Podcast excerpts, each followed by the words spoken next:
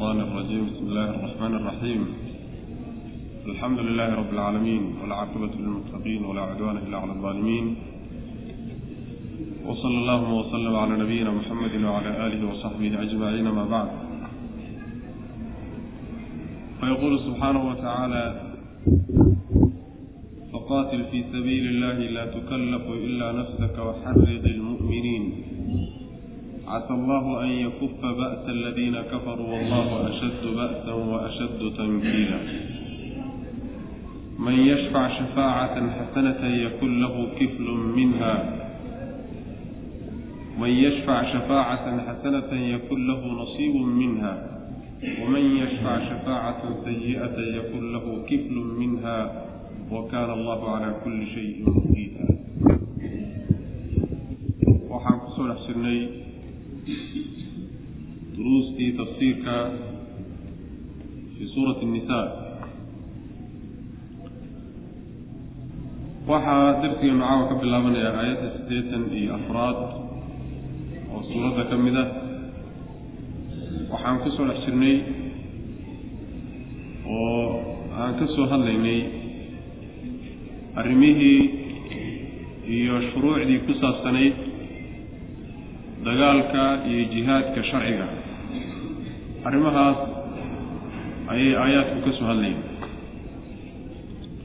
Aayaddani marka isla mawduucii bay ku saabsan tahay nebiga ayaa sala allahu alay wasalam lala hadlayaa oo si gooniya hadalka loogu jeedinaya. Faqaatil dagaalan baa layihi nebiga sal alla alay wasalam fii sabiili illaahi jidka ilaahay ku dagaalam laa tukallafu laguma mashaqaynayo lama laguma kallifayo ilaa nafsaka naftaada mooye. Ama laa tukallafu xaalo aan lagugu kallifaynin ilaa nafsaka naftaada mooye. Adoo naftaada mooye naf kale aan lagugu kallifaynin ilaahay jidkiisa ku dagaalam waxarid waxaad boorrisaa almu'miniina mu'miniintana boorri. Yacni cala alqitaali ku boorri. Mu'miniintana dagaalka ku tirtirsi. Wey casa allaahu alla waxaa laga yaabaa an yakufa inuu reebaa laga yaabaa oo uu celiyo xaggiina ka celiyo ba'sa aladiina kuwii dagaalkooda kafaruu gaaloobay.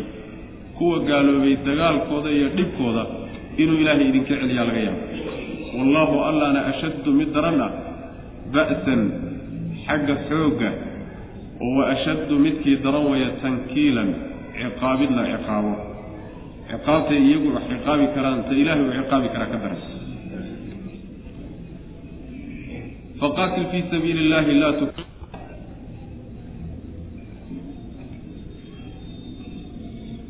waxaa lagu leeyahay nabiga salawatullahi wasalaamu calayhi. dagaalan oo ilaahay jidkiisa ku dagaalan. macnaha ilahay dartii u dagaalan oo u dagaalan liiclaa'i kalimati illah naftaada mooyaane cid kale lagugu kallifi maayo. taa macnaheedu waxa weeye hadday ku qabsato xataa keligaa adoo a inaad dagaalanto. keligaa macna naftaada unbuu xilkaa saaran yahay. Cid kaleetoo xilkaa saaran yahay inaad goobta dagaalka geyso oo dagaal geliso lagaaga baahan yahay ma jiro. Naftaada un dagaal geli way macna. Mu'miniinta iyo dadka muslimiinta ana dagaalka ku boori oo ku tirtirsi oo ku qalqaali jeclaysii inay dagaalamaan. Haddii lagaa diido oo yacni ay kaa ogolaan waayaan xilka ku saarani waa un naftaada inaad dagaalanto way macna.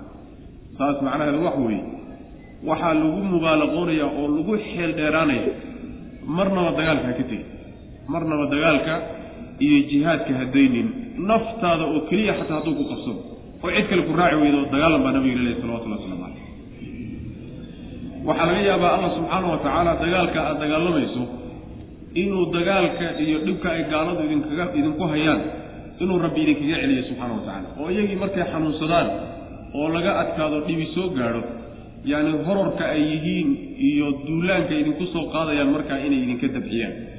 Sidaasaa laga yaaba allahna subxaana wa tacaala quwadiisa iyo ba'sigiisu mid daran uu yahay. Ciqaabta uu addoommadiisa ciqaabana mid ay ka ay daran tahay oy ka daran tahay addoommada ciqaabta iyo isciqaabi karaan ba'siga luqada carabiga dagaalkana waa la yidhahda quwada iyo xooggana waa la yidhahda tankiilkana waxa la yidhaha min nakala tankiilan baa laga keenay. Tankiilka waxa la yidhaha ciqaabta iyo cadaabka waa la yidhahda weliba ciqaabta aada doonayso inay dad kale ku cibro qaataan. ciqaab adag markaad ruuxa mariso oo dad kale inay kuwaana qaataan ood ku cabsisa aad doonayso taasaa la yidhaha macnaa tankiilka la yidhahda. yacni biijin iyo waxsaasoo kalea ayay odhan jireen waa dad. faqaatil dagaalan fii sabiili illah jidka ilaahay ku dagaalan nebigu oo ilaahay dartii u dagaalan laa tukallafu adoon lagu mashaqaynayn laa tukallafu xaal aan la kalifi lagu kalifaynin ilaa nafsaka naftaada mooy cid kale aan laguu kalifaynin waa haddii jumlada xaaliye laga dhigo waxarid ilmu'miniina mu'miniintiina boorri oo ku qalqaali oo ku tirtirsi cala alqitaali macnaha ku tirtirsi yacni taxriidkan kadata shaygii lagu boorinaya waa meesha ka go-an sida aayad kaleba ay muujiso waxarid ilmu'miniina cala alqitaal baa inoo imaan doonto shayga lagu boorinayo muslimiinta la jeclaysiinayo mu'miniinta waa dagaalka ayagana ku qalqaali. Haddii iyaga aada weydo oo cid kale aada weydana adigu lafahaaga macnaha unbaa lagu kalifaya ee dagaalan baa lenaya nabiga salawatullahi waslamu caleyh casa allaahu alla wuxuu mudan yahay an yakufa inuu reebo. Ba'sa aladiina kuwii dhibkooda inuu reebo ama dagaalkooda inuu reebo aladiina ba'sa aladiina kuwii dagaalkooda inuu alla reebo kafaruu gaaloobay cankum xaggiinna inuu ka reebo yani dagaalka idinku hayaan iyo dhibka idin geysanayaan inuu ilaahay subxaana wa tacaala uu idinka reebo. Taasi waa ballanqaad waa ballanqaad ilahi subxana wa tacala addoommadiisa u ballanqaadayo. Maxaa yeele casaa min allahi xaqiiqa baa la yidhahda casaadu hadday xagga ilaahay ka tahay bimacnaa xaqiiqa wey ilahi subxana wa tacala wuxuu idin ballanqaadaya. Haddaad dagaalantaan dhibka gaalada idinkaga imaanaya inuu idinka celiyo. Wallahu allana ashaddu midkii daran a ba'san ay quwatan xagga xoogga iyo awooddana allah ku daran wa ashaddu midkii darraan badan weeye tankiilan ciqaabid addoommada la ciqaabana iyo biijin lagu biijiyo cid kaloo iyaga ka soo hadhayna allah subxaana wa tacaala u daran oo u xoog badan macna marka waxaa la leeyahay culimmada qaar ka mid a aayadda waxay u deliishanayaan in macnaha waxa weeyaan waxay leeyihiin nebiga salawatullahi wasalaamu calayhi waa on lagu halqabsanayaa mooye keligii inuu dagaalamo oo gooni keligii uu dagaalamaayo weligeed ma dhicin mana dhici doontay leeyihi ee macnaheeda waxaa laga wadaa mubaalaqa in lagu xeel dheeraado uun inaan dagaalka marna laga tag qaar ka midana waxay leeyihiin mee yacni ruuxa muslimka ah haddii keligii dagaalku qabsado keligii waa dagaalamaya. Cid kale hadday ku raaci weyda xataa dagaalan ayay odhanaya muhimadda un aayadda laga leeyahy waxa weeyaan in lagu xeel dheeraado dadka la dareensiiyo. Dagaalku mar la daayay inuusan jirin macna.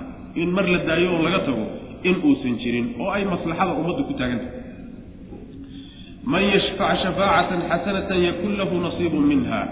Man yashfac ciddii ergeeya. Shafaacatan ergo ruuxii ergeeya shafaacadaasoo xasanatan wanaagsan. Shafaaco iyo ergo sharcigu ogolyahay ruuxii ergeeya. Yakun waxaa u ahaanaya lahu ruuxa nasiibun gabal ayaa u ahaanaya minhaa xaggeeda uga ahaanaya. Ergadaa uu ergeeyey ajrigii ka dhashay gabal ka mida ayuu leeyahy waman yashfac ruuxii ergeeya shafaacatan ergo sayi'atan oo xunna oo sharcigu uusan ogolayna yakun waxaa u ahaanaya lahu isaga kiflun qayb iyo gabal baa u ahaanaya minhaa ergadaa iyadaa uga ahaanaya ergadaa wixii dembi ee ka dhashaana qayb buu ku leeyahy isaguna wa kaana allahu allana wuxuu ahaaday calaa kulli shayin shay walba dushiisa muqiitan ay muqtadiran kii awooda ayuu ahaaday alla subxana wa tacala shafaacada waxaa la yidhahdaa laba shay oo laysku lamaaniyaa la yidhahda. Laba shay marka laysku lamaaniyaa shafciga la yidhahda. Waxaa laga wadaa shayga aan ergada nidhaahno yacni ruuxa wuxuu doonayay iyo dalabkiisii ayaad qaadaysaa markaasaa waxaad isku lamaaninaysaa codkaagii iyo codkiisii baad isku lamaaninaysaa. Sidaa marka waxa waxaa la yidhahdaa ergaa la yidhahdaa marka. Ergada marka laba qaybood wey ruux baa dalab doonaya cid kaleeto oo lagaga wajiroon yahay ayuu dalabkiisa doonayaa inuu u geysto. Dalabkaa haddaad u qaadood ugu geyso yacni dalabkiisii iyo kaagii baad isku lamaanisay markaasaad geysay. Shafaacada saasa la yidhahda luqa ahaan ergada marka noocaas laba qaybood weeye. Mid mashruucoo sharcigu ogol yahay miduusan sharcigu ogolay ruuxan aad u ergeynayso shayga aad uga ergeynayso ee doonaysa inuu gaadho. Muhimadda aad doonaysa in wax lagala qabto haddii shay sharcigu ogol yahay uu yahay waa shafaaca xasana baa la yidhaahdaa.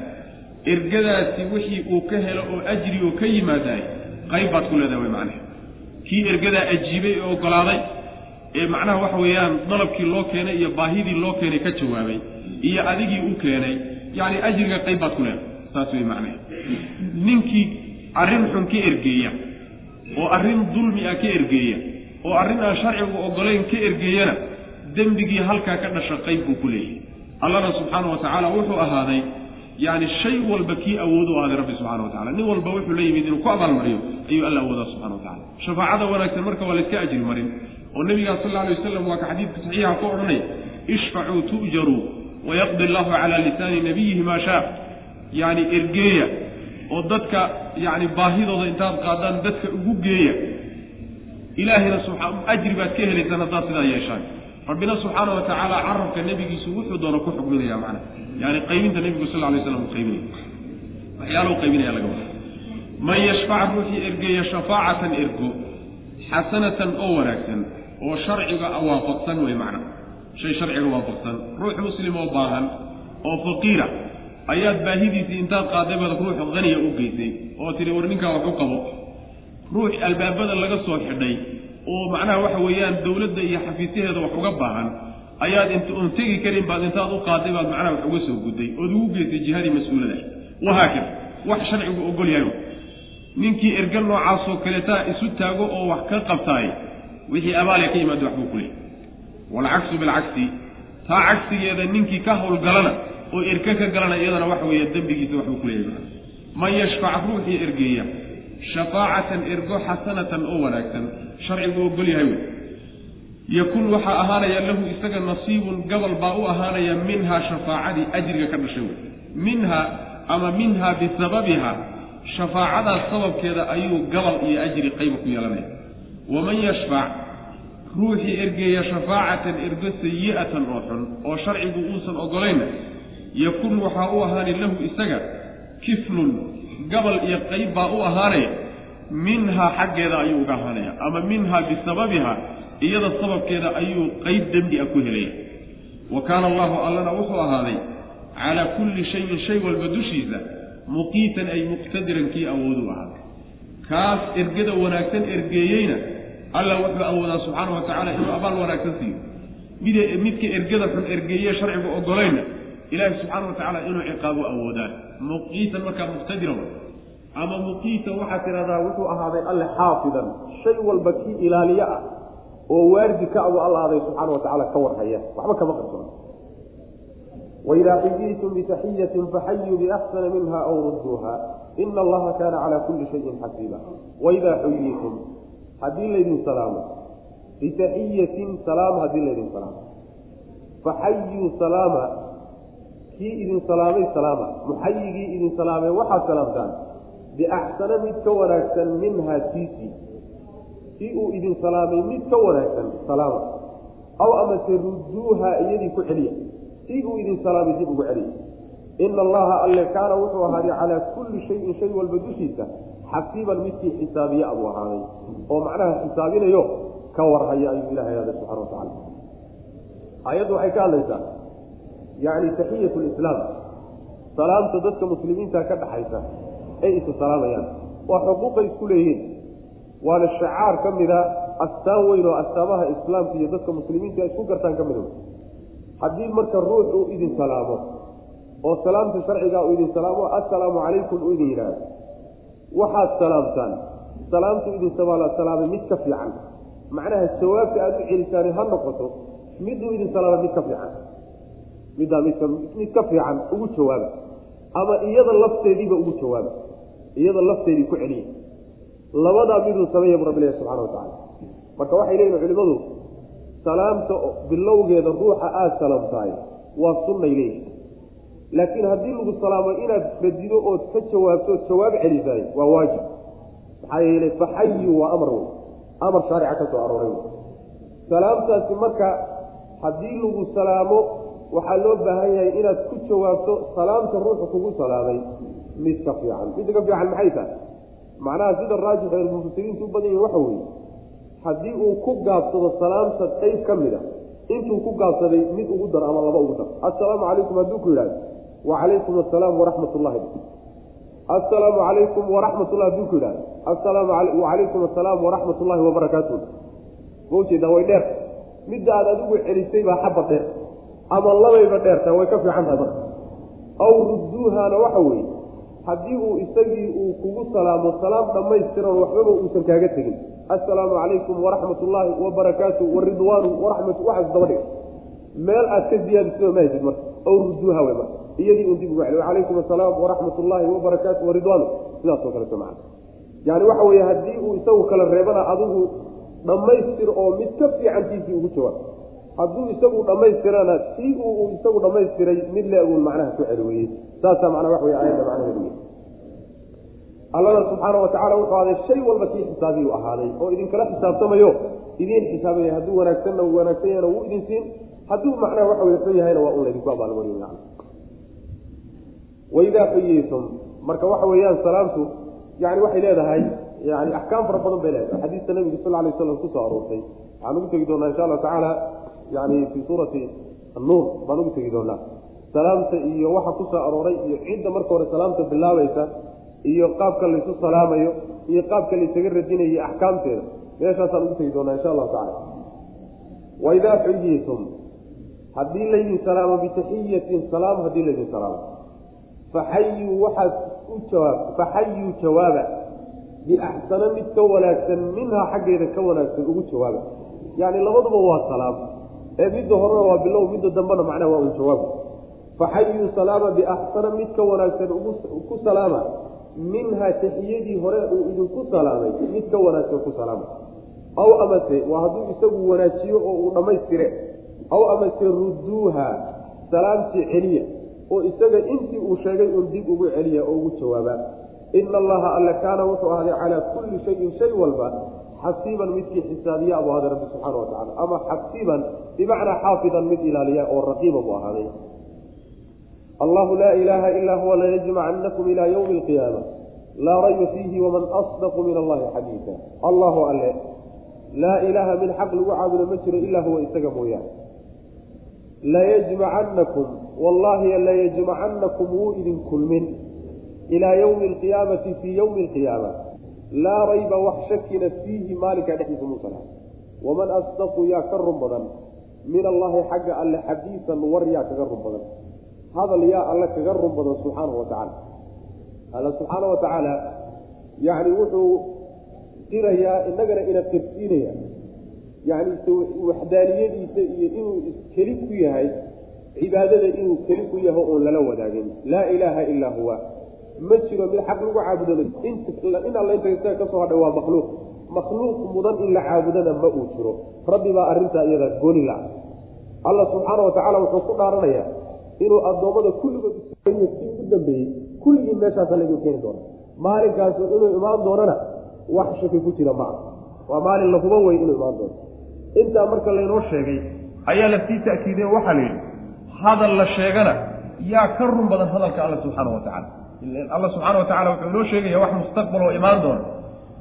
Cid laga rumaysto ama hadal la rumaystaana waxa ugu run badan hadalka alla subxaana wa tacala macnaha waxa weye beeni meella kama soo geli karto. Allahu alla laa ilaaha mid xaq lagu caabudo ma jiro ilaa huwa isaga mooye. Layajmacanakum wallahi layajmacanakum wuu idin kulmini alle. Ilaa yowmi alqiyaamati ilaa xisaabi yowmi alqiyaama waa ilaada sideeda haddaad ku wada. Wuxuu idin kulmini.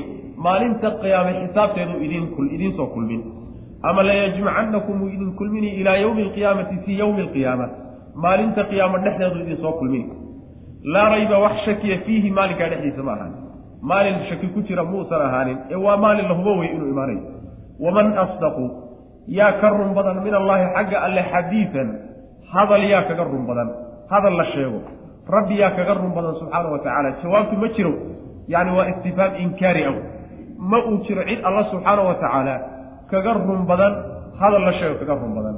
Hadalkaa uu sheegay ee macnaha inuu idin soo kulmin doono maalin qiyaamo la yidhahdana idin wada keeni doono laydinlana xisaabtami doono. Hadalkaasi waa hadal runa wey macnaha. Fama lakum fi lmunaafiqiina fi'atayni wallahu arkasahum bima kasabuu aturiiduuna an tahduu man adala allah waman yudlil illahu falan tajida lahu sabiila. Famaa lakum maxaa idiin sugnaaday?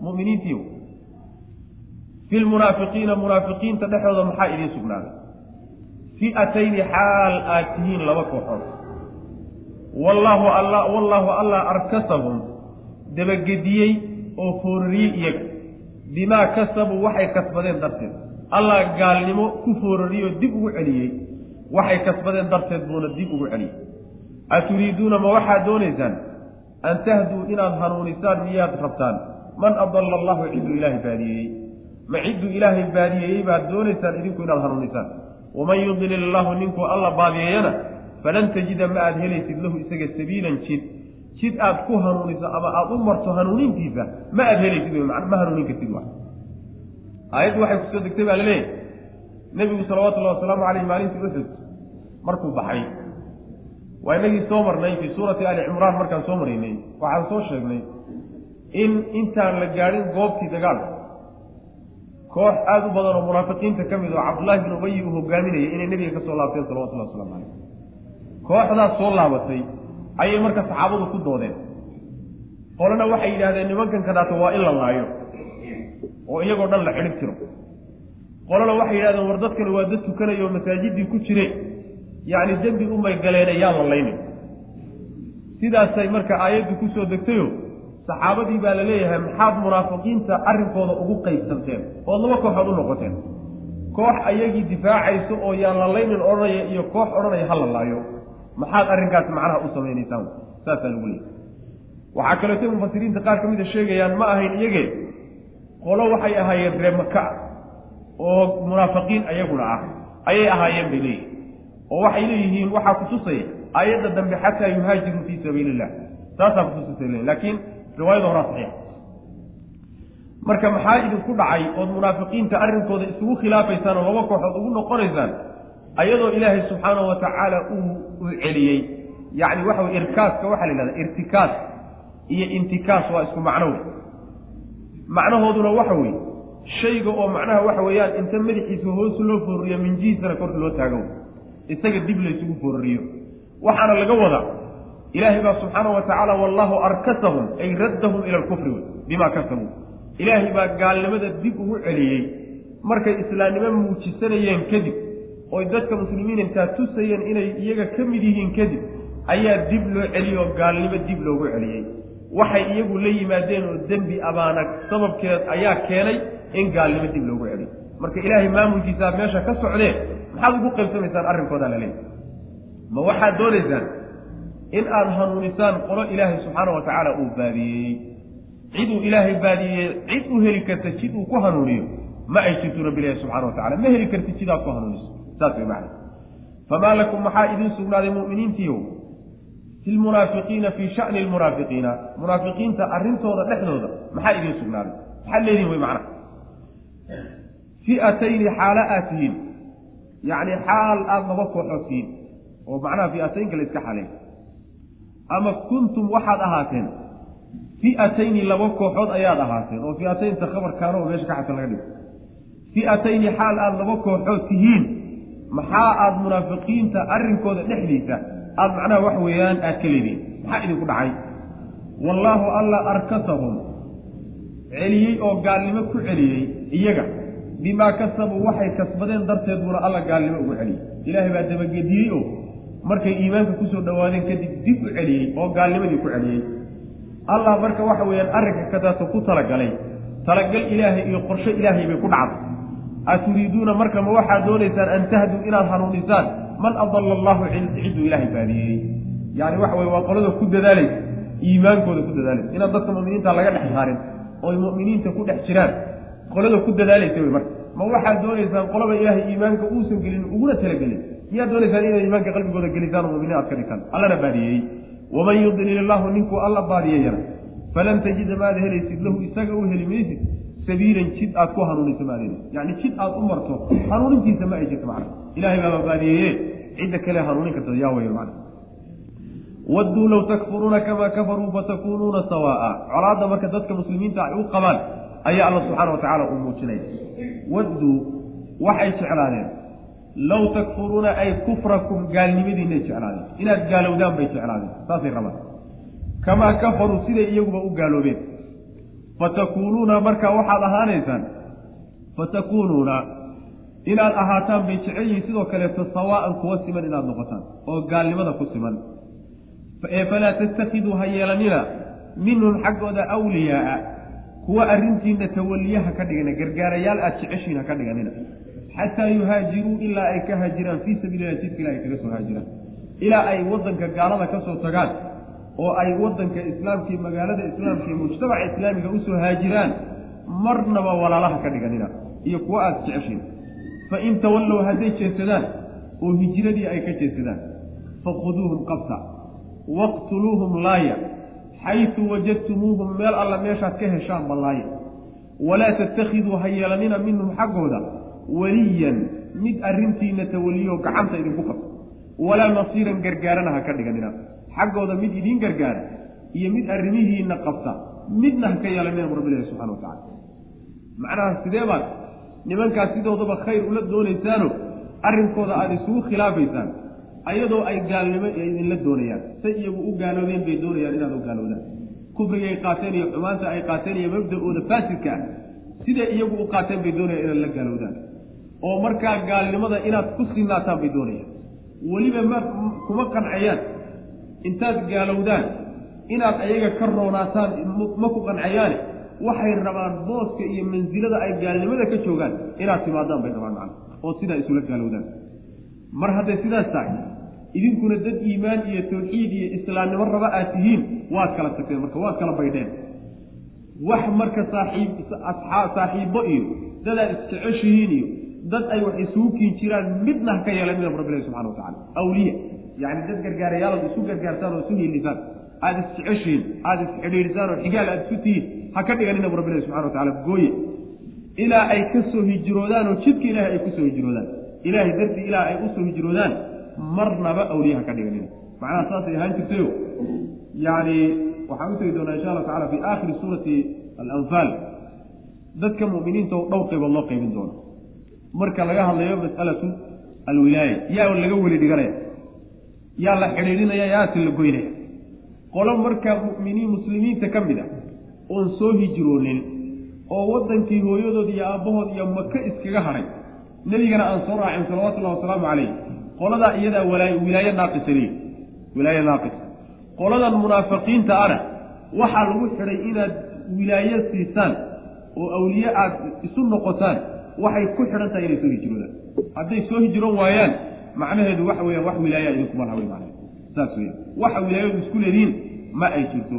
Hadday soo hijroon waayaan. Maxaa yeelay hijradu waxay daliil u tahay oo markhaati cad ay u tahay oon marna qarsoomi karaynin. Ruuxaa soo hijrooday inuu yahay ruux mu'mina oo muslima. Daliil weyn waa burhaan aada u xoog badan wey maxaa yeelay nin walba reerkiisa iyo qoyskiisa iyo waddankiisa iyo bulshadu ka dhashay dhexdeeda iimaan waa ku sheegan kara laakiin maalinta la yihahda reerkaagi iyo qoyskaagi iyo kulli ka dhex bax oo adigoo keligaa a dhaqaaq oo waddanaadan aqooniya dad aydan wada dhalanin dhexdooda tag mabda'aaga la carar iyo caqiidadaada markaa nin uun macnaha iimaan khaalisa uu ku jiro unbaa macnaha baxay. Saas wey macnahe laakiin inta dadka lagu dhex jiro nin walba macnaha wax weyaan iimaankaasoo kale waa iskala imaan kara marka ilaa ay soo hijroodaan awliyaha ka dhiganina hadday hijradii diidaan oy iimaankii iyo hijradii ka jeesadaan qabta buu rabbi ilahi subxaana wa tacaala oo laaya meel alla meeshaad ka heshaan meel alla meeshay aad ku aragtaanba qabta oo laaya buu rabbi ilahi subxana wa tacala qolyaha munaafiqiinta hana ka dhiganina qolyo arrintiina aada u dhiibataano gacanta idinku qabta iyo gargaarayaal marnaba ha ka dhiganina bu rabbi ilahi subxana wa tacala kuwa aad jeceshiin oo hawshiina aad ku hadlaysaan ha ka yeelanina. Wadduu waxay jeclaadeen low takfuruuna yacni kufrakum gaalnimadiinna ayay jeclaadeen inaad gaalowdaan kamaa kafaruu siday iyaguba u gaaloobeen fatakuunuuna inaad ahaataan ayay jeclaadeen sawaa'an kuwa siban inaad ahaataan. Fatakunu faadu caatifo wey yacni wawadduu waxay jeclaadeen inaad yacni waxa weeyaan ahaataan sawaa'an kuwa siban inaad ahaataan bay sidoo kale jeclaadeen. Ee falaa tattakhiduu ha yeelanina minhum xaggooda awliyaaa kuwa aada isxidhiidhsataan ood isjeceshihiin ood isu gargaartaan ha ka dhiganin. Xataa yuhaajiruu ilaa ay soo hijroodaan fii sabiilillahi jidka ilahi ku hijroodaan waddanka gaalada ilaa ay ka tagaano waddanka muslimiinta iyo dowladda islaamka ay aadaan wey macna. Fain tawallow hadday jeesadaan fakhuduuhum qabta waqtuluuhum laaya xaytu wajadtumuuhum meel alla meeshaad ka heshaanba gaalo wey markaas gaalo weye sidaad gaalada u leynayseen oo kaleeto u laaya walaa tattakhiduu ha yeelanina minhum xaggooda weliyan. Ha ka yeelanina mid aad yacni weliyan mid arrintiina tawaliya oo isxidhiidhisaan ha ka dhiganina. Walaa nasiiran gargaarana ha ka yeelanina. Mid idiin gargaarood idin u gargaartaan ila aladiina yasiluuna ilaa qowmin baynakum wa baynahum miihaaq aw jaa-uukum xasirat suduuruhum an yuqaatiluukum aw yuqaatiluu qowmahum walow shaaa allahu lasallatahum calaykum dadkii baa marka dhowr qaybood loo qaybinaya. Yacni nebiga sal lla alay wasalam markii madiine intuu yimid bulshada islaamiga uu ka asaasay oo meeshaa dowladii ay ka dhalatay. Waxaa qasab noqotay bulshooyinkii kaleete ee deegaamadaa deganaa in lala dhaqmo lala tacaamulo qaabkii marka loola tacaamulihyaabaa macnaha waxa weeye nebiga sal alay wasalam loo qeexaya yacni dadkii bulshooyinkii baa la qaybinayaa iyo qabaa-ishii iyo deegaamadii qolyaha noocaasa xidhiidhka idinka dhaxayn kara noocaas qolyaha noocaasana xidhiidhka idinka dhaxayn kara noocaw qolyaha aan soo hijroonin ee aan macnaha hijrada ka jeesaday waxaa la yidhi meel alla meeshaad ku heshaan ballaaya ilaa qolyaha la soo reebi doono mooyaane. Ila aladiina kuwii mooyaane waxaa laga soo reebaya fakhuduuhum waqtuluuhum taasaa laga soo reebaya qabta oo laaya ila aladiina kuwa mooyaane yasiluuna la xidhiidha. Ilaa qowmin qowm la xidhiidha qowmkaasoo baynakum dhexdooda iyo baynakum dhexdiinna iyo wa baynahum dhexdooda miihaaqun uu ballan iyo heshiis yahay. Yacni qolo xidhiidh la leh qolo kale oo idinka iyo iyaga xidhiidh idinka dhexeeya iyo heshiis kuwaa mooyaane aw amase jaa-uukum kuwa idin yimid mooyaane xasirat xaal ay cidhiidhiyantay bay idin yimaadeen suduuruhum laabahoodu ka cidhiidhyameen an yuqaatiluukum inay idinla dagaalamaan ba qalbigoodu ka cidhiidhyamay aw amase yuqaatiluu inay la dagaalamaan qowmahum dadkay iyagu ka dhasheen inay la dagaalamaanna qalbigoodii waa ka cidhiidhyamay labadoodaba naftu waa sii weyn inay idinka idin garab istaagaan oo tolkood ay la dagaalamaan naftu waa sii weyd oo qalbigoodii waa ka cidhiidhyamay inay qabiilkoodii intay isgarab taagaan iyo dadkay ka dhasheen idinka idinla dagaalamaan yacni waxa wey iyadana qalbigoodii waa ka cidhiidhyamay qoladaas iyagana maya. Qoladaana ayadana waa la soo reebay. Walow shaaa allaahu qoladan dambaa marka la sheegaya ama labada qoloba walow shaaa allahu hadduu alla dooni lahaana la sallatahum wuu sallidi lahaa kuwa iyaga ee gacanta idinka ceshaday kuwa mowqifka dhexdhexaadka iska istaagay ilaahay wuu sallidi lahaa calaykum dushiinu ku sallidi lahaa hadduu dooni lahaa. Hadduu alla dooni lahaana intuu qalbigooda xoojiyo oo dhiirigelin iyo geesinimo siiyo ayuuba idinku sale idinku diri lahaa oo yani dagaal bay idinla geli lahaayeen fala qaataluukum walow shaa allahu hadduu alla dooni lahaana lasallatahum wuu diri lahaa oo wuu sallidi lahaa calaykum dushiinba ku sallidi lahaa. Fala qaataluukum markaasa idinla dagaalami lahaa ee haddayba meel dhexdhexaada ilahay idinka istaajiyey faraha ka qaada way macna. Fain ictazaluukum hadday idinka durkaan oo idinka fogaadaan oo dagaalkiina ka fogaadaan oo falam yuqaatiluukum ayna idinla dagaalamin oo wa alqow ay turaan oo ridaan ilaykum idinka intii kaa assalama hoggaansan ay idiin soo dhiibaan. Yacni ay isa soo dhiibaan oo hoggaanka soo dhiibtaan. Famaa jacala allahu alla ma uusan yeelin lakum idinka calayhim dushooda sabiilan jid aad ku laysaan ma uusan idin yeelin. Jid aad u martaan dagaalkooda iyo layntooda alla idiinma yeelin haddaad hinsatii muslimiinta. Laba qole sheeg. Si toosay u abbaartay aayaddu laba qolo. Qolana waxaa yacni waa laga fahmayaa meesha. Yacni waxaa laga fahmayaa waxaa looga fahmayaa can ariiqi alawlaa. Si ka sii xag jira labadan ay caddaystaa looga fahmaya qola waxa weeye waa qolada heshiis baa ka dhexeeya iyagiyo dadka muslimiinta heshiis sulxi iyo muhaadana. Yacni heshiis baa ka dhexeeya waxaa lagu hesheeyey muddo mucayana inaan la dagaalamin. Qolo waa qola in lays nabadgeliyo qoladaasi naftan aayaddu ma umaysan uba bixin. Qoladaasi waa mid. Qolada labaadi waxa weeye qoladaa heshiisku idinka dhexeeyay heshiis kula sii jiraan qoladaas heshiis kula sii jiraan waa midda aayaddu sheegta wey. Waa qolyo la xidhiidha oo heshiis kula jira qolo kale qoladaa kale oo idinka iyo iyaga heshiis idinka dhexeeya qoladii heshiisku idinka dhexeeyey qolada heshiisku ka dhexeeya ee kale qoladaas iyagana lama dagaalami kartaan ma layn kartaan wey macana maxaa yeelay qoladan heshiisku idinka dhexeeyo heshiiskoodaasi ayaa waxaa soo gudagelaya. Cid walboo iyaga xilfi xilfi iyo gaashaanbuursi laleh oo heshiis ka dhexeeyo inaad macnaha waxa weye badbaadisaan waxaa keenaya heshiiska qolada hore aad la gashay. Qolo waa qoladaas qolona waxa weeye waa qolo aan heshiis idinka dhexayn laakiin waxay doonayaan in ay macnaha waxa weeyaan idinka inay idinla dagaalamaan oo idinka hor yimaadaan ma ay doonayaan. Oo waa cabsanayaan hadday qoomkooda la soo sabtaan oo idinka ay dagaal idinla galaan oo idinka hor yimaadaan cabsi baa ku jirta oo waxay isleeyihiin amaa qoladiinna laga adkaada hadday xaggiinna yimaadaanoo safkiinna ka dagaalamaan oo qowmkoodii iyo tolkoodii la dagaalamaan waxay isleeyihiin amaa laga adkaadaa qoladan maxamed iyo asxaabtiisa. Labadii dhinacba marka waxa weeyaan niman ka dagaalamaya ma ahe laba reer dhaxaad bay doonayaan inay ku badbaadaan. Qoladaa iyaga ana faraha ka qaada ayaga laftooda xataa halayninoo hala dagaalamin baa laleeyahy maxaa loola dagaalami lahay? Ilaahay subxaana wa tacaala baa xukumkaa xugmiyey oo hadduu alla dooni lahaa subxaana wa tacaala inti qoyskooda uu kala xugum dhigo oo geesinimo qalbigooda geliyo ayay qoyskooda ka garab dagaalami lahaayeen oo markaasuu idinka idinku sallidi laha waa idinku diri lahaayeen markaas idinla dagaalami lahaayeen. Marba hadduu ilaahay meel dhexdhexaada idinka istaajiyey faraha ka qaada wey maala allahba subxaana wa tacaala meeshaa geeyey. Qoladaana halkaasaa loogu tegi hadday marka qolyahaas ay dagaalkiina ka fogaadaan oo ayna idinla dagaalamin oo ay hoggaansanna keenaan waa qolada dambe hoggaansan keenaan. Hoggaansanku macnaheedu waxa weeye in ay macnaha waxa weeyaan muslimiinta isu soo dhiibaano ay muujistaan in aysan dagaalkooda diyaar u ahayn hadday sidaas yeelaan shid aad kula dagaalantaan ama aada ku laysaan idiinma furna. Faraha ka qaada wey macnaha. Qolyo qolyahaas wey qolyo kalena way noo imaan doonaa ila aladiina kuwa mooyaane la dagaalama qolyahaas aan soo hijroonin ee jidka ilaahay ku soo hijroonin oo laaya ila aladiina kuwa mooyaane yasiluuna ee yatasiluuna la xidhiidha ilaa qowmin qolo ayay la xidhiidhaan. Qoladaasay la xidhiidhaan oo baynakum idinka dhexdiinna iyo wa baynahum dhexdooda miisaaqun uu ballan iyo heshiis yahay. Qoladii heshiisku idinka dhexeeyey ma ahee waa qolo la xidhiidhow oo iyaga heshiiskula sii jirta qoladaas iyada maya aw amase jaa-uukum kuwa idin yimid mooyaane oo iyagana la dagaalankoodiiyo layntoodaa la didaya aw amase ila aladiina kuwa mooyaane jaa-uukum idin yimid xasirad xaal ay cidhiidhiyantay bay idin yimaadeen. Suduuruhum laabtooda iyo qalbigoodaa ka cidhiidhiyamay.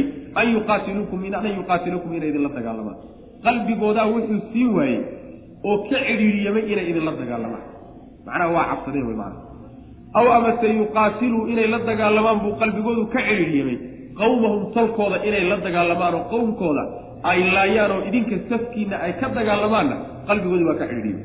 Labada saf inay muduun ku biiraan labadaba qalbigoodu waa ka cidhiidhiyamay wey macnaha ma awoodaan. Qoladaana iyadana daaya wey macnaha hala dagaalamina. Walow shaaa allaahu hadduu alla dooni lahaa lasallatahum wuu sallidi lahaa iyaga oo wuu diri lahaa. Calaykum dushiinu ku diri lahaa. Falaqaataluukum markaasay idinla dagaalami lahay hadduu alla dooni lahaa. Laakiin ilaahay ma doonine. Wuxuu doonay inay meel dhexdhexaada istaagaano idinkana dagaalkiina ay ka cabsadaan qolyahay ka dhasheen ay dagaalkooda ka cabsadaan oo laba redhexaadkaa istaagaan marba haddii sidaasi faraha ka qaada fain ictazaluukum hadday idinka fogaadaan idinka dubkaan oo falam yuqaatiluukum ayna idinla dagaalamin oo wa alqow ay keenaan ilaykum idinka intikaa assalama hoggaansan ay idin keenaan.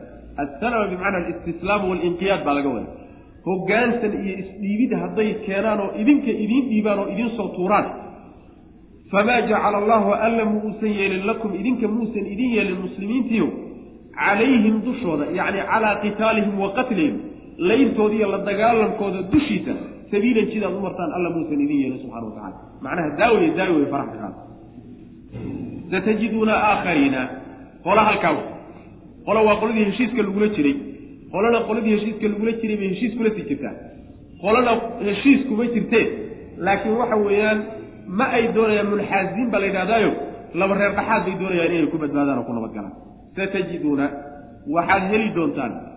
Aakhariina kuwo kalaad heli doontaan. Kuwaasoo yuriiduuna doonaya an ya'manuukum inay idinka nabadgeliye helaan. Wa ya'manuu inay ka nabadgeliye helaan qowmahum qowmkoodana ay ka nabadgeliye helaan.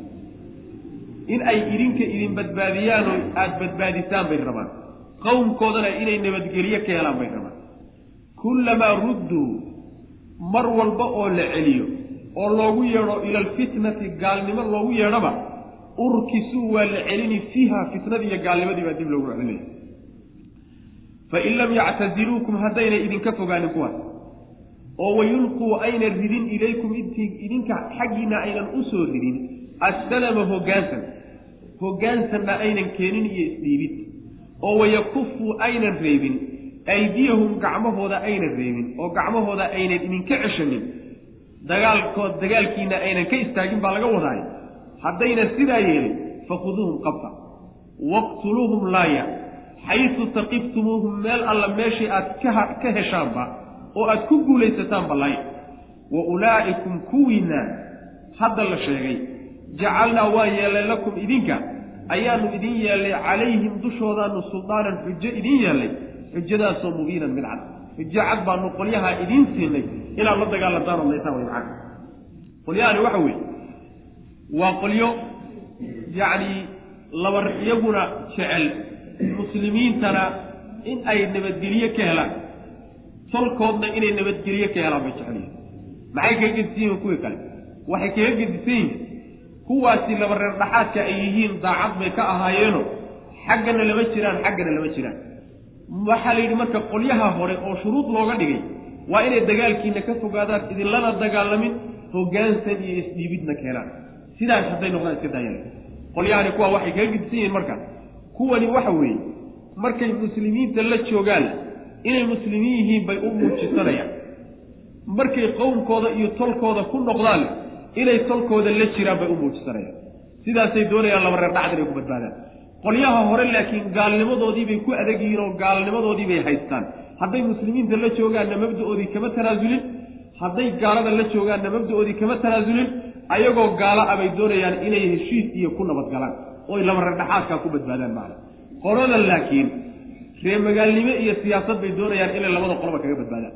Saas way macana qolada noocaana marka ee marna idinka idin munaafaqaynaya qolna qoyskooda u munaafaqaynaya kuwa noocaasoo kaleeta ah mar walba oo loogu yeedho gaalnimadii loogu yeedho maanta idinka idinla joogaan oo muslimiin bay muujisanayaan tolkood markay u yeedhaan oo gaalnimo loogu yeedhoba gaalnimadii baa dib loogu celinaya yacni gaalnimadii bay dib ugu noqonayaano gaalnimadoodii bay tolkood iyo dadkay ka dhasheen ka dhex muujisanayaan macna hadday marka kuwaas idinka fogaan waayaan ooy faraha idinka qaadi waayaan oo ay dagaalkiina ka fogaan waayaan hoggaansanna weliba ay keeni waayaan oo isa soo dhiibi waayaan kuwaa qabta buu ilahi subxana wa tacaala. Oo laaya. Meel alla meeshaad ka heshaanba laaya. Kuwaa weeye kuwa aada xujada u haysataan iyo daliilka cad la dagaalankooda iyo layntooda aada xujada u haysataan macna kuwaasaan xujo idiin siinay oo ay idiin banaantoo laydiin ogolyaa la dagaalankooda saasuu ilahi subxana wa marka taqriiban waxay u ogyihiin. Kulya munaafiqiin ay u ogyihiin. Munaafiqiin yani dadka wejiyada faraha badan ku dhaqmo oo wejiyada faraha badan isticmaala. Laakiin munaafiqiinta waxay kaga gedisan yihiin kuwani munaafiqiintu waa qolada sufuufta muslimiinta intay ku dhex nool yihiin. Gaalada xaggooda aan ka soo jeesanin hadduu munaafiq iska yaho muslimiinta safkooda iskaga dhex jiro oo salaadaa iska tukanahayo oo bulshada iskaga dhex jiro laakiin qalbiga gaalnima ay kaga jirto kaasoo kaleta la dili maayo lama diliyo. Hadduusan asbaab kaloo lagu dila uusan la imaanin. Laakiin munaafaqa marna adiga kula jooga marna sirta kaa qaadaya gaalada u tegay gaaladii la soo sabanaya maalintuu adiga kuu yimaadana islaamnimada sheeganaya kaa wey macnaha midka laga wada macna saasay macnaha ku kala gedisanya maxaa yeele waxaa laga yaabaa in yani dadka qaarkii ay yidhahdaan nusuus badanoo waxaa jirta munaafiqiinta inaan la laynin. Kutusayse tanna ha la dadka munaafiqiinta la laynay maxay? Yani waa munaafiqiin gaalada la soo sabtay munaafiqiin gaalada la sabtay wey macna satajiduuna waxaad helaysaan aakhariina kuwo kale oo yuriiduuna doonaya an ya'manuukum inay idinka nabadgelye helaan ammaan inay idinka helaan waya'manuu inay ka nabadgelye helaan qowmahum qowmkoodana inay ka nabadgelye helaan oo waxay ku nabadgelayaani waxa weeye mabda-oodii inay ka tanaasuleen bay muujisanayaan markay muslimiinta la joogaan saasay kaga nabadgelayaan markay la joogaan gaalada iyo qoyskoodii dadkay ka dhasheenna mabda-oodii islaamnimo intay ka tanaasuleen inay mabda'a gaalnimada muujistaan bay kaga nabadgelayan saasay rabaan kullamaa rudduu mar walba oo la celiyo ila alfitnati yacni shirkigii iyo gaalnimadii loo celiyaba oo dadkay ka dhasheen ay ugu yeedhaan inay gaaloobaanba urkisuu waa la celini. Fiiha fitnadii iyo gaalnimadii baa dib loogu celinaya. Macnaa gaalnimadii bay dib ugu laabanayaan. Oo lagu foorarinayaa oo ay dib isugu majiirayaan yacni waa gaaloobayaan niman ma aha iimaanku uu raasikay oo qalbigooda galay ayagoo hadda iimaan iyo islaamnimo sheeganayay. Markii loogu baaqo fitno iyo shirkiya gaalnimo loogu baaqo gaalnimadii baa dib loogu celinaya. Gaalnimadii bay gelayaan wey macnaheeda fain lam yactaziluukum haddaynan idinka fogaanin oynan idinka durkin oo wayulquu aynan ridin ilaykum xaggiinna aynan u soo tuurin assalama istislaam iyo hoggaansan iyo isdhiibid aynan idiin soo ridin. Yacni ilqaaga waxaa la yidhahdaa shayga marka laguu soo tuuraa la yidhahda isdhiibiddooda iyo hoggaansankooda waxaa laga cabiraya sidii iyagoo intay is-hoggaamiyeen oo kaleeto oo hoggaan isgeliyeen hoggaankii ku xidhnaa soo dhiibay oo waa kana naga qabtay yidhi oo kaleeto hadday marka hoggaanka keensadaan oo isa soo dhiibaan oo a macnaha waxa weeyaan ayna idinka fogaadaan gacmahoodana aad markaasi ka nabad gashaan iyo dagaalkooda markaa waa la dayn. Si kale laakiin lagu dayn maayo fain lam yactadiluukum haddaynan idinka fogaanin oo wayulquu aynan ridin oo ynan soo tuurin ilaykum idinka xaggiila assalama hoggaansan iyo isdhiibid aynan u soo tuurin. Oo wayakufu aynan celinin aydiyahum gacmahooda aynan celinin oo idinka dagaalkiina aynan gacmaha ka ceshanin. Macnaha dagaalkiina aynan ka istaagin cidna aynan idiin garab istaagin wey fakhuduuhum markaa qabta wey waqtuluuhum laaya yacni haddii ayna idinka fogaanin fogaansho idinka fogaadaan haddii laga waayo isdhiibid haddii laga waayo dagaalkiinoy daayaan haddii laga waayo intaa marka laga waayo fakhuduuhum qabta oo waqtuluuhum laaya xaytu taqiftumuuhum meel alla meeshaad ka heshaano awood aad u heshaanba maana ood ku guulaysataan wa ulaa'ikum kuwiinna kuwiinaa la soo sheegay hadda laga soo warramayey ayaanu jacalnaa yeelay idinkaan idiin yeelnay calayhim dushooda suldaanan xujo ayaan idiin yeelnay aad kulaysaan oo kula dagaalantaan xujadaasoo mubiinan cad qolyaha way qolyaha laydiin fasaxay oo xujada laydiin siiyey dagaalkoodii iyo layntooda marka intaasaa loo qeybiyey qoladaa munaafiqaynaysa mooyaane dadka intiisa kale intaa wey waxaa isagana macnaha dheer midka xarbiga midka isagu iska cadaystay oo colaadu idinka dhaxayso ee dagaal macnaha waxa weeyaan go'aankiinu inaad dagaalantaan u yahay midka saddexaad midka saddexaad. Gadaal dambe waxaa isaguna soo baxay qolada dimiyiinta la yidhahda dimiyiin dimiyiinta waxaa la yidhahda dowladda islaamka dadka ku dhex nool ee gaalada ee iyada hoos yimaada. Qoladaas dimiyiin baa la yidhahdaayo ayada iyaguna axkaam kaleeto sharcigay leeyihi wma kana limumini an yaqtula mumina ila khaطa wman qatla mumina khaطa fataxriiru raqabati mumina wadiyat musalamatn ila ahlihi qolyaha marka la qaybqaybiyey ee nebiga sal lay slam saa loogu qaybqaybiyey hallaynina oo faraha ka qaaya oo daayadaas waxay ku xidhan tahay ama ay ku xidhnayd marxaladii waqtigaa taagnay haddii loo baahdo oo marxaladaasoo kaleeto ay muslimiintu gaadhaanna yacni waxa weeyaan waa la dabaqi karaa oo waa siyaasad lagu dhaqmi karo. Haddiise laakiin muslimiintu ay cizi iyo quwad iyo awoodda iyagu ay leeyihiin. Gaaladu ama waa mucaahid inuu noqdo ama dimmi uu noqdo ama xarbi uu noqdo. Qolyo laakiin laba reerdhaxaadoo meel dhaxaad iska joog joogaayo ma ay jirayaan macna. Waxaan u tegi doonaa insha allahu tacaala yani aayatu sayf markaan u tagno ayaan macnaha wax weeyaan yani faahfaahin doonaa insha allahu tacala wamaa kaana limuminin halkan waxaa lagaga hadlayaa haddii dagaal laga soo hadlay iyo wax la dilo halkan waxaa laga hadlayaa dad dilkoodu uusan bannaanayn oo dhiigoodu macsuum yahay. Wamaa kaana ma ahaanin.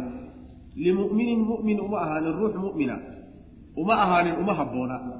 An yaqtula inuu dilo uma habboono mu'minan ruux kaloo mu'mina. Ilaa khata'an ilaa qatlan dil oo khata'an gaf-a mooyaane. Inuu si gaf xaggii hadduu ka ahaaday.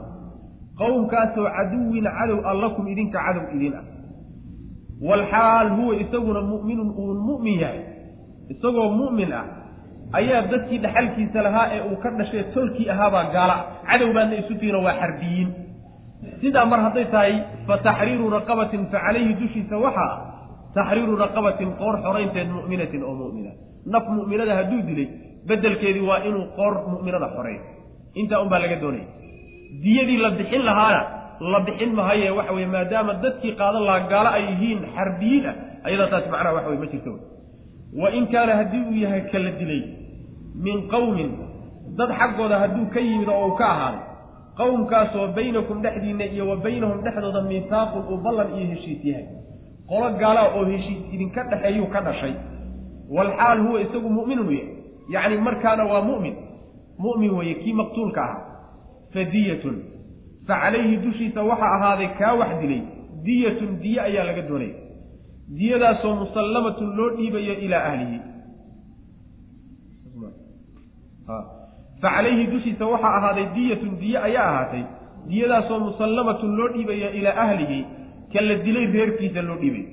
Wa taxriiru raqabatin iyo qoor xoraynteed baa dushiisa qoortaasoo mu'minatin mu'minada faman lam yajid ciddii aan helin. Qoortaa mu'minadda a ruuxii waaya xoraynteeda ama dhaqaalu u waayey ama iyadiibaaba la waayey oo adduunkaba laga waayey. Fa siyaamu shahrayni fa calayhi dushiisa waxaa ah siyaamu shahrayni laba bilood soonkood mutataabicayni oo weliba israacraacsan oo isku xiga oon hal maalinoo u afuro ayna u dhaxaynin. Tawbatan taaba allaahu ilaahay waa toobad aqbalay taaba waa toobad aqbalay tawbatan toobad oo min allah xagga ilaahay ka ahaad wa kaana allahu allana wuxuu ahday caliiman midkii og xakiiman oo fal iyo farsamo wanaagsan baa alla aday subxana wa tacala macnaha mu'min inuu mu'min dilaayo marnaba wax suroobi kara ma ah ilaa inuu dilku gaf yahay mooyaane. Arrintaasi waxay aada u fogeynaysaa. Yacni laba mu'min ayaa dil isula qasti kara oo ruux mu'mina mu'min walaalkii dil ula qasti karaay waa arrin aada u durugsan way fogta. Waxaan dhici karin baa laga soo qaaday maxaa yeelay ruuxa iimaan kale ee iimaanku qalbigiisa uu ku jiraay iimaankaa qalbigiisa ku jiraa wuxuu ka hor istaagayaa. Walaalkiisan mabda ay wadaagaan inuu dilo. Iimaankiisaa ka hor istaagaya sidaa daraaddeed ma suurta gasha lale hadday suurta gashana waa haddii uun gaf ay ku dhacdo. Hadday marka gaf ku dhacdo hadday gaf ku dhacdo markaasaa la xalliyey oo la furdaamiyey oo waxaa la yidhi ruuxii mu'min dila oo gaf ku dila. Gafka waxaa laga wadaa. Yacni ma aadan ula qastin masalan yacni rasaas aada meel kale ku waday oo aadan isaga ula jeedin baa ku dhacday. Sidii buu ku dhintay.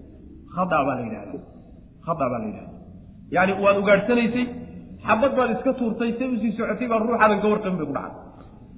Gaf baa la yidhahda shay aan wax dilin markaa oo caadatan la yaqaano shay iskaba fudud oo aan waxba dilin ayaa sabab u noqday oo uu ku dhintay. Adigaana lahaa. Laakiin shaygani shay wax dila ma ah. Khada baa iyadana la yidhahda adiga wax alla wixii aan ula kac iyo kas aan ahayn oo aadan u qastin oo dil ku yimaadaaba waxaa la yidhahdaa macnaha waxa weeyaan khada baa la yidhahda dilka noocaasi mar hadduu yimaado marka ruuxa la dilayna uu mu'min yahay waxaa ruuxa wax dilay ruuxa la dilay eheladiisaa la kala qaadaya. Dadka uu ka dhashay. Inay mu'miniin yihiin yacni dad muslimiina inay yihiin iyo inay yihiin dad gaalo ah oo dagaal inaga dhexeeya iyo inay yihiin dad gaalo ah oo heshiis inaga dhexeeya. Saddex qaybood baa loo kala qaaday. Saddex qaybood baa loo kala qaaday. Saddexda qaybood xagga diyada marka la yidhahdo diyada. Ruuxii waxaa ku waajibayaa haddii dadka ruuxan kadaata la dilay ehelkiisa ah ee dhaxalkiisa leh uu ka dhashay ay dad muslimiina yihiin ruuxa wax dilay waxaa laga doonayaa inuu qoor xoreeyo addoon inuu xoreeyo waa laga doonaya diye inuu bixiyo oo dadkii muslimiintaha uu wax ka dilay diye ka bixi diye siiyana waa laga doonaya diyadaasi waa boqol neef oo geelow boqol neef oo geelow. Boqolkaa neef oo geelow weliba shan qaybood loo qaybiyo. Kutubta fiqa ayaa faahfaahintaasi yani waxa weeyaan ayaa faahfaahisay. Boqol neef oo geela waa inuu siiyo dadkii wax laga dilay. Ilaa inay iyagu sadaqaystaan oo iska cafiyaan mooyaan way heli karaan. Hadday kuu cafiyaan oo yidhahdaan waxba kuuma haysano. Waa arrin iyaga u taalo. Laakiin haddaynan kaa cafiyin boqol neef oo geelana waa inaad bixiso midda kaleetana waa inaad qoor xorayso waa hadday dadkii ruuxani ka dhashay yihiin dad muslimiin. Gaalo wey. Gaaladuna waa qaybsan tahay waa gaalo iyagiyo muslimiinta dagaal ka dhexeeyo. Heshiisna uusan u dhaxayn. Qoladaa noocaasa hadduu ka dhashay ruuxa la dilay ee muslimka ah ayadana waxa weeyaan qoor unbuu xorayn ka wax dilay laakiin wax diyo oo la siinayo ma jirto gaalada. Gaalada xarbiyiinta wax diyo oo la siinayo ma ay jirto. Dadkii uu ka dhashay baa waxay noqdeen. Dad gaalo ah laakiin heshiis inaga dhexeeyo baynakum wa baynahum miisaaq. Qolada noocaasoo kale hadduu ka dhashay ruuxu ruuxa la dilay uu ka dhashay waxaa la siinayaa diyaa la siinayaa iyagana. Boqol neef oo geelana waa la siin qoorna wuu xorayni ruux sidaas wey macnaa. Saddexdaa qaybood baa loo kala qaaday. Laba qaybood oo ka mid a waa hadduu dadka ehelada ee ka dhashay ruuxani uu muslimiin yihiin iyo haddii ay gaalo ballan inaga dhexeeya ay yihiin labadaa goorba diyo iyo qoor u xoreeyaba waa laga doonaya hadday gaalo xarbiyiina yihiin oo dagaal laga dhexeeyana wuxuu bixinayaa qoor unbuu xoraynaya laakiin diyo lama siinay oo xoolo muslimiin gaari maayaan dad gaaloo xarbiyena macna waxaa timi marka qoortii baa suurtageli weyde qoortii ayaa suurtageli weyde laba siyood bu waa suurtagal inay ku suurtageli weydo. Waxaa suurtagala in qoorba la waayaba addoon in la waayaba. Adduunka maanta joogo oo kaleeto addoon lama helay wax addoon la yidhaha yani ma lehelay addoontu sideeda addoonku wuxuu yimaadaa markii jihaad sharciga la qaado. Haddii addoon laga waayo adduunka ama meehe waxaa lagu waayi karaa oo yani waxa weeyaan ayna suurtagal ku noqon karaynin xooluhuba waayo ruuxii waa faqiir. Addoonkii wuxuu ku iibii waayey. Labadaa goorba waxaa loogu bedelayaa qoorta xoraynteedii laba bilood oo isku xigta inuu soomo. Laba bilood oo maalmahoodu isku xigaan oo hal maalin uusan goynin u dhexaysiinin ayuu soomaya macana hal maalin hadduu u dhexaysiiyo cudurdaar la'aan wuu soo bilaabi. Ma ujeeda yacni haddii uu soomo bil iyo sagaal iyo labaatan habeen hadduu soomo oo maalin iyadoo u laaban tahay uu afuro kow buu ka soo bilaabi. Saas way macnahe maalin uma dhexaysiin karo. Mutataabicayn buu ilah yihi wa tacala saasaa laga doonaya. Arrinkaasi waxa weeyaan toobad wey. Ilahay baa subxaana wa tacaala doonaya addoonkiisa inuu kaga toobad aqbalo oo furdaan wey. Isagaa lagu furdaaminaya dadkiina macnaha waxa weeyaan dhibka loo geystay ee ruuxu ka baxayna yani waa sabirsiye wey tacsiya u tahay waxoogaaga la siinayo asagana ilahi subxana wa tacala wuxuu doonaya inuu ka toobad aqbalo oo dembigan uu galay uu dhaafo macna. Wamaa kaana limuminin mumin uma ahaanin an yaqtula inuu dilo uma ahaanin mu'minan ruux mu'mina inuu dilo uma ahaanin. Ilaa khaa'an ilaa qatlan dil khata'an oo gaf-a mooyaane. Kaan buu ku dili karaayo si kale umaba dili karayo haddii dil uu dhaco oo laba ruuxoo muslima oo kas ay isu dilaan ruuxaa wax dilayahay iimaankiisu ama waa baaba oo iimaan baan ku jirin oo mu'min buusan ahayn ama wax yar baa qalbiga ku jira oo aad buu macnaha naaqis u yahay. Saas way macnaha waman qatala ruuxii dila mu'minan mu'min ruuxii dila. Khata'an gaf u dila. Fa taxriiru raqabatin fa calayhi dushiisa waxa ah taxriiru raqabatin. Qoor xoraynteed qoortaasoo mu'minatin mu'minada. Taa waxaa lagu furdaaminaya qoortaa xoraynteeda bulshadii iyo makhluuqii ilaahaybu wuxuu ku sabab noqday mid ka mida inuu ka saaro. Ilan bulshadu waa tirsantahay afraaddii bulshada ayuu mid ka mida ugu sabab noqday inuu meesha ka baro. Waa inuu booskiis soo buuxiyey marka. Boosku kan ka bixiyey waa inuu soo buuxiyey oo ruux naaqis ahaa oo adduunye oo kale loola dhaqmi jiray oo addoon ahaa addoonnimadii intuu ka soo saaro ruux kaamila waa inuu ka dhigo booskii kii uu ka saaray waa inuu soo buuxiye wey macnaha saasa macnaha waxa weyaan qoorta loo saaray fa taxriiru raqabatin fa calayhi dushiisa waxa ah taxriiru raqabatin qoor xoraynteed qoortaasoo mu'minatin mu'minada yacni qoortaasi waa inay mu'mino tahay oo qoor gaala ah yacni addoon gaala iyo addoon gaala ah laga aqbali maayo laga yeeli maayo waa inay mu'mino tahay wadiyatun iyo diye ayaa dushiisa ahaaday diyadaasoo musallamatun loo dhiibayo ilaa ahlihi dadkii uu ka dhashay ruuxan la dilay diyada waxaa la yidhahdaa dhiigga waxa laga qaataa la yidhahda ruuxa la dilo dhiiggiisa waxa laga qaata ayaa diyada la yidhahda diyadaasi ayaa dusha ka saaran diyadaasoo musallamatun loo dhiibayo oo la guddoonsiinayo ilaa ahlihi kan la dilay ehelkiisi iyo dadkii dhaxalkiisa laha ilaa an yasadaquu ehelkan isagu uu ka dhashay inay sadaqaystaan oo iskaba cafiyaan mooyaane. Fa in kaana haddii uu yahay maqtuulkii la dilay min qowmin dad hadduu ka ahaado. Qowmkaasoo caduwin cadow a lakum idinka cadow idiin ah waa qolo dagaal idinka dhexeeyo gaala sidaa unbay cadow ku noqon karaan.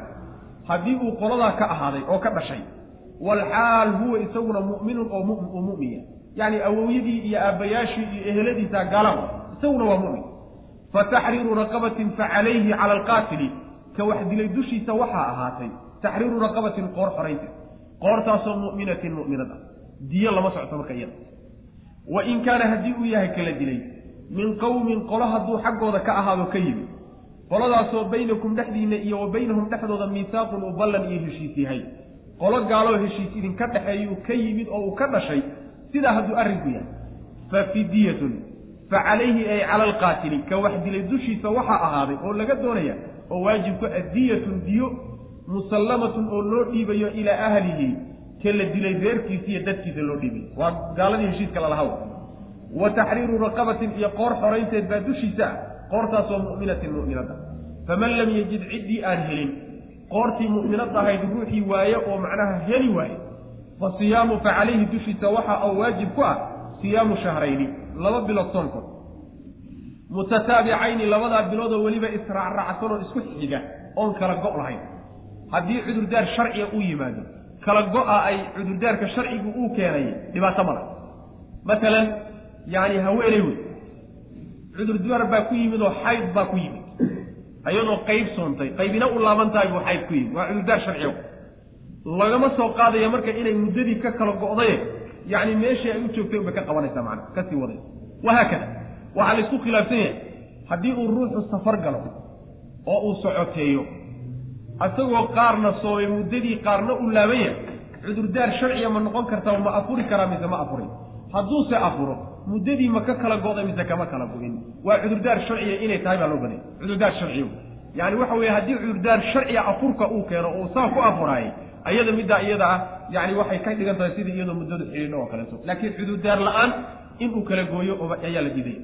Tawbatan. Taaba alla waa toobad aqbalay tawbatan toobo oo min allahi xagga alle ka ahaatay. Wa kaana allahu allana wuxuu ahaaday caliiman. Midkii og buu ahaaday xakiiman oo haddana falsan xukumkaa alla uu dejiyey yacni farsamo wanaag buu ku dhacay.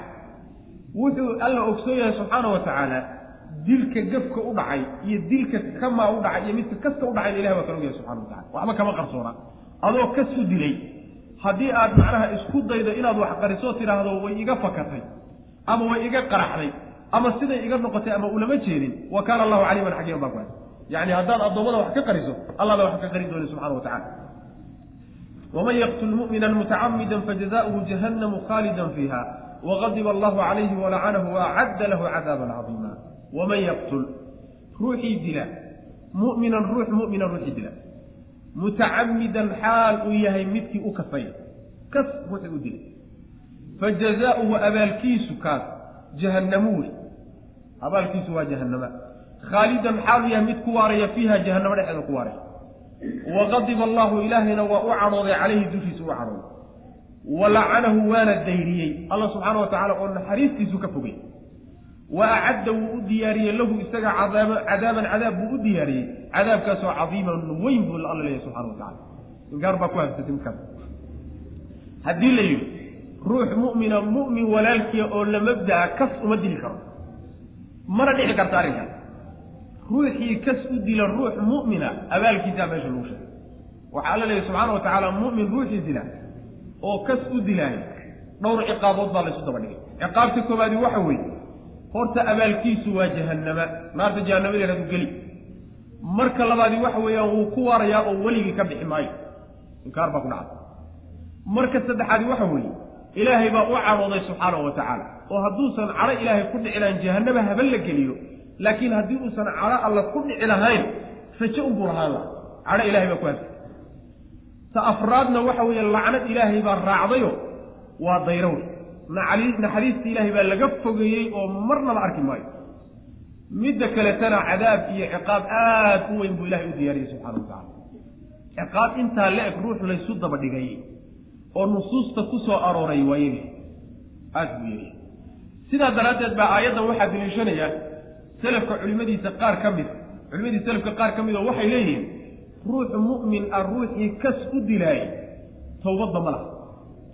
Tawbad ma laha. Weligii hadduu si kasta u toobad keeno tawbadda laga aqbali maayo leeyihi sidaasa culimada qaar ka mid a ku tegay laakiin sida raajixi xooga badani waxa weeye ee adillo kaleeta ay kutusaysahay ruuxu haddii uu ku dhinto asagoo ruux mu'mina dilay aanan tawbad keenin abaalkiisu waa sida haddiise laakiin ilaahay intuu tawbad waafajiyo uu ka tawbad keeno oo uu ka soo laabto alla subxaana wa tacaala tawbadda waa aqbalaa.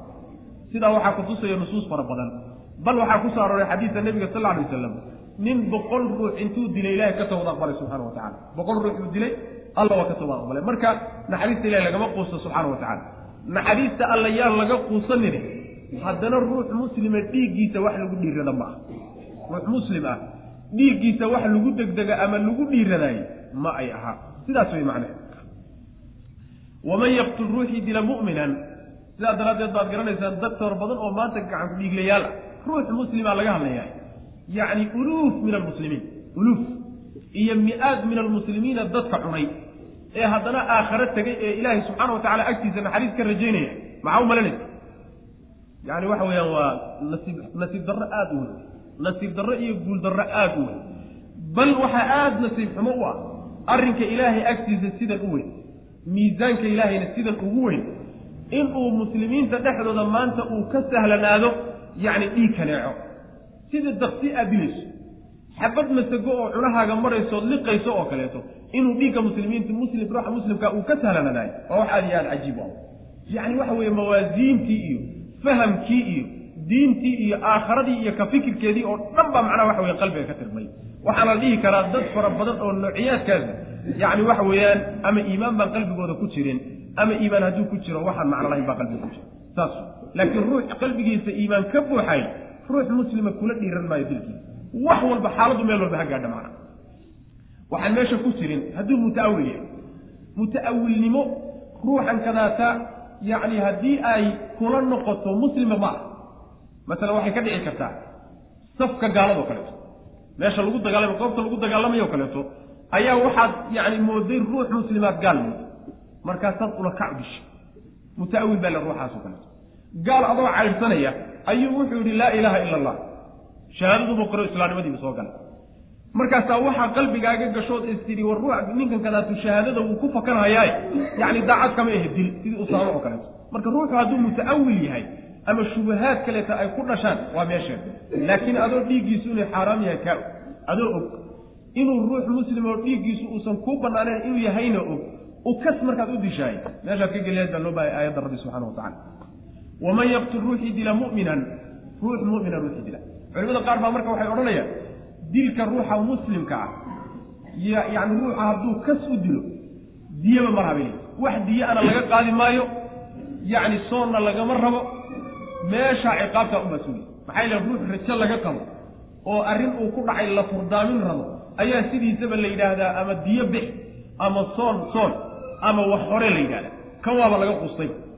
Sidaa culimada qaar ka mid ah. Laakiin sida loo badanyaya waxa weeye haddii uu dilka kas u sameeye xataa inay diya ku waajibayso diyadaana weliba ay diya muqallada tahayo ka adag midii macnaha ruuxa jafka u dilay yani wax way ka adag. Taqsiimka qaabka loo qiiminay xoolaha bay kaga adag tahay. Saas wey macana waman yaqtul ruuxii dila. Mu'minan ruux mu'mina ruuxii dila mutacamidan xaal u yahay midkii u kasaya fajazaauhu abaalkiisu jahannamu wey. Khaalidan xaal uu ku waarayo fiiha dhexdeeda waqadiba allahu ilaahay baana u cadhooday calayhi dushiisu u cadhooday. Walacanahu ilaahay baana lacnaday oo naxariistiisa ka fogeyey wa acadda lahu wuxuuna u diyaariyey cadaaban buu u diyaariyey cadiiman oo weyn. Haddii la yidhaahdo ruuxa ruux muslimoo la dilo laguma gaaloobayo laguma gaaloobayo laakiin waa dembi weyn. Naartana sideedaba ruux gaala unbaa ku waara. Aayadduna waxay leedahay khaalidan fiiha. Macnaheedu dilka ruuxa muslimka waa lagu gaaloobayaa miya. Oo sidaa daraaddeed buu ruuxii sidaa ku dhintaayay naarta ku waarayaa miya mise arrin kale si kale wax u jira. Waxa weeye haddii ruuxaasi uu gaalnimo ku dhinto shaki iyada kuma jirto oo dhiigga ruuxa muslimkaa isagoo bannaysanayo inay u bannaan tahay arkaya hadduu dilo sidaana uu ku dhinto waa kaafir. Gaalnimo ruuxu ku dhintana khaalidan fiiha taa waa iska cadda. Isagoo inuu xaaraam ka yahay og oo dembiga u badheer haddii uu dilo muslim wey kuma gaaloobin dilkaa uu ruuxaa dilay sidaa daraaddeed aakharo markuu tago arrinkiisu ilaahay buu hoos yaallaayo. Hadduu doonana alla subxaana wa tacaala wuu jannayn hadduu doonana alla wuu ciqaabi subxana wa tacala laakiin hadduu tawxiid ku dhinto oo islaamnimo ku dhinto iimaan ku dhinto naarta inuusan ku waaraynin ruux islaamnimo iyo iimaan ku dhintay ee iyadana la isku waafaqsay xakee la kala marinaya marka. Aayadduna wuu ku waarayaa bay leedahay. Waxa weeyaan oo laga wadaa khaalidanta waxaa la odhanaya hadduusan dhiiggiisa banaysanaya way iska cad haddii kale waxaa la odhanayaa muddo dheer buu ku jiraya oo khaalidanta muddo dheer inuu ku jiraya ayaa laga wadaa. Ama khaalidanta waxaa laga wadaa haddii uu la ciqaabi lahaa oo ciqaabta uu mudan yahay la marin lahaa inuu jahanamo ku waaray ahaan lahay laakiin naxariista ilaahi subxaana wa tacala in lagaga saaraayo waa suurtagal.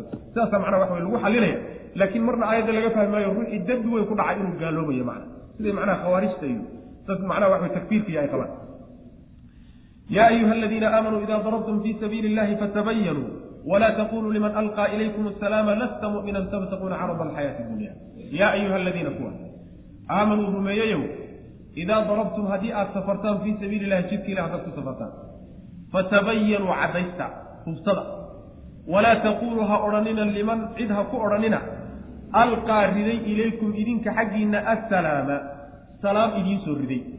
cid salaam idinku soo duurtay oo assalaamu calaykum idin tidhi ha ku odhanina.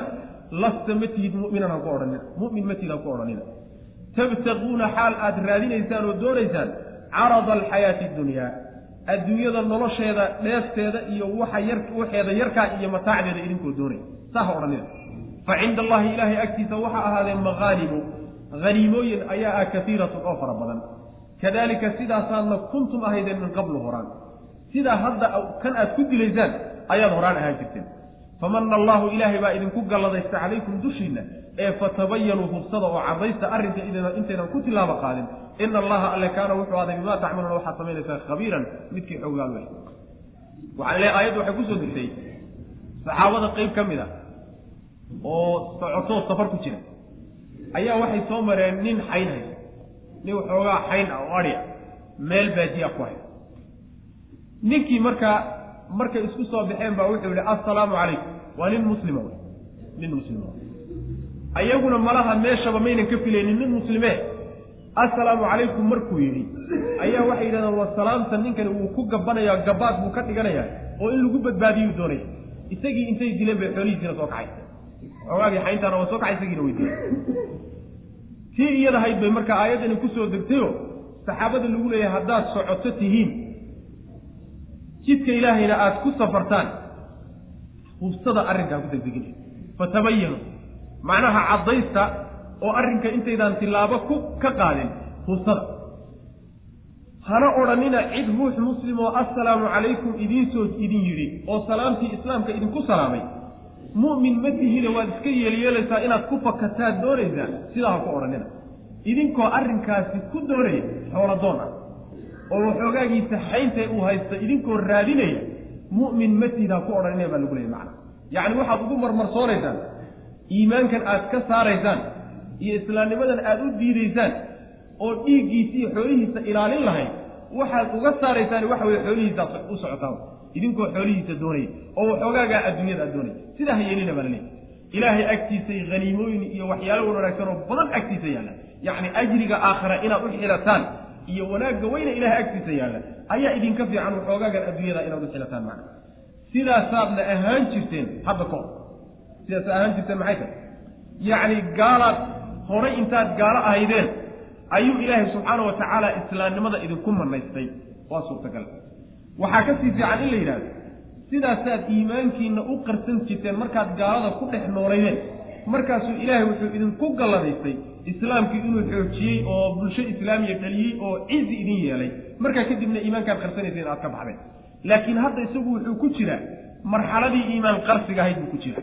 Oo dad gaala ah buu ku dhex noolyahy iimaankiisii uu qarsanayay idinka hadda ka horba meesha waad soo marteene ilaahay baase idinku galladaysteen meeshaad soo marteen buu joogaaye yacni waxa weeyaan arrinka hubsada baa lagu leeyay waa lagu soo celiyo waxaa la yidhi iska iska hubsada oo arrinka iska hubiya intaydaan ku tilaabo qaadin. Saasuu alla leeyahy subxana wa tacala macnaha waxay la sii xidhiidhaa ruuxa marba hadday ka muuqato calaamo yar oo muslima. Calaamo islaamnimoa mar hadday ka muuqato waa inaad ka istaagto kelimatu tawxiid hadduu qiro. Yacni astaamaha muslimiinta lagu yaqaana haddaad ku aragto. Assalaamu calaykum waa shacaarka muslimiinta wey. Hadduu kugu salaamo. Yacni calaamooyin loogu yaqaano muslimiinta oo kaleeto. Masalan meelaha qaarkood muslimiintu inay koofiyad xidhaan baa lagu yaqaana koofiyad meelaha qaarkood meelaha qaarkoodba waxbaa lagu yaqaana meeshii sujuudee la sujuudi jiray baad ku arag astaamo noocaas oo kale ah oo inuu muslima kutusaya haddaad aragtaba arrinka iska wey maana ha ku degdegin ruux muslima dilkiisa saas wey aayaddu marka ha ku saabsanaato dilka ha ku saabsanaato laakiin xukunkeedu waa caam sideedaba dadka muslimiinta waxaa la doonayaa waxa ay tillaabooyinka ay qaadayaan xukunka ay samaynayaan waxa ay ku kacayaan markay hubsadeen kadib oo iska hubiyeen inay ku tilaabo qaadaan laakiin waxa weeyaan wax shaki ku jiro ama tuhma ka jirto ama aan la hubsanin inaan lagu tilaabo qaadin baa la doonaya yaa ayuha aladiina yani waxaa marnaba la diidaya in ay fududaato ruuxa muslimkaa dilkiisu inay fududaato. Sida nebiga ka asaxay salawatullahi wasalaamu calayhi lazawaalu dunya ahwanu cala allahi min qatli muslimiin yacni adduunyadu kulligeed inay baaba'do rugmato oo ayna waxba ka hadhin ayaa ilaahay agtiisa kaga fudud ruux muslima dilkii. Ruux muslimoo la dilo adduunka oo dhan oo baaba'a ilaahay agtiisa subxaana wa tacala kaga adag tahay macna. Sidaas wey maana marka ruuxa muslimkaa dhiiggiisu ma sahlana yaa ayuha aladiina kuwa aamanuu rumeeyeyow idaa darabtum haddii aad safartaan fii sabiili illahi jidka ilahi hadaad ku safartaan. Oo aada duulaantiin wey macnaa haswi aatiin shardi ma aha. Shardi ma ahee arrintii dhacday ee aayaddu ku soo degtay unbay duulaan saxaabadu ahayd. Laakiin xataa haddaad gurigaaga joogto deegaanta oo magaalada aad joogto iska hubsa wey maana ayada lafteedu meesha waa ku jirta fatabayanuu hubsada oo caddaysta arrinka intaydaan ku tilaaba qaadin walaa taquluu hana odhanina. Liman cid ha ku odhanina alqaa tuuray ama riday ilaykum idinka assalaama. Salaam idiin soo riday. Yacni salaam idiin soo ganayo idin salaamay ha ku odhanina lasta matid ha ku odhanina mu'minan mu'min matid tabtaquuna idinkoo doonaya carada alxayaati addunyaa adduunyada nolosheeda waxaa idinka soo bambaxay ee idiin soo muuqday. Waxoogaagaa carabka waxaa la yidhahdaa yacni maa yactaridu lilinsaan. Waxa kuu soo bambaxa ee kuu soo muuqda ee waxoogaa raja kaa gashaa la yidhahda ee adduunyada ka mid marka waxoogaagii xaynta ahaaye uu haystay baa laga wadaa. Tabtaquuna idinkoo doonaya carada alxayaati addunyaa adduunyada nolosheeda yacni waxoogaageeda soo bambaxay ee idiin soo muuqday iyo dheefteeda idinkoo doonaya. Fa cinda allahi ilaahay agtiisa waxaa ahaaday maqaanimu. Haniimooyin yaa ilaahay agtiisa katiiratun oo fara badan. Yacni haniimooyin fara badan oo jid saxa aad ku qaadataan baa ilaahay agtiisood idin siin doona oo kaydad fara badan baa laydiin furi doonaa hadda kadib oo xalaal oo jid saxa aad ku qaadataan. Ee middan ruuxa muslimka uu leeyahay yacni ha u qiildayanina kadaalika sidaasoo kale ayaad kuntum ahaydeen min qablu horaan. Sidaa hadda uu iimaankiisa u qarsanayo ayaad idinkuba hadda kahor iimaankiina u qarsan jirteen oo dad gaala aada ugu dhex noolayn famana allaahu ilaahay baa galladaystay calaykum dushiinuu ku galladaystay inuu islaamkii xoojiyey oo iimaankii aad qarsanayseen aada muujisateen oo bulsho iyo dowlad islaamiya idiin dhaliyey waa gallad ilaahay subxaana wa tacala ee fatabayanuu caddaysta oo iska hubsada arrinka ina allaha alle kaana wuxuu ahaaday bimaa tacmaluuna waxaad samaynaysaan khabiiran midkii xoogaalo uu og buu ahaaday. Waana idinku abaalmarinaya alla subxana wa tacala wallahu aclam wsala allahuma wslama cala nabiyina muxamedi wcala alihi wasaxbi waslm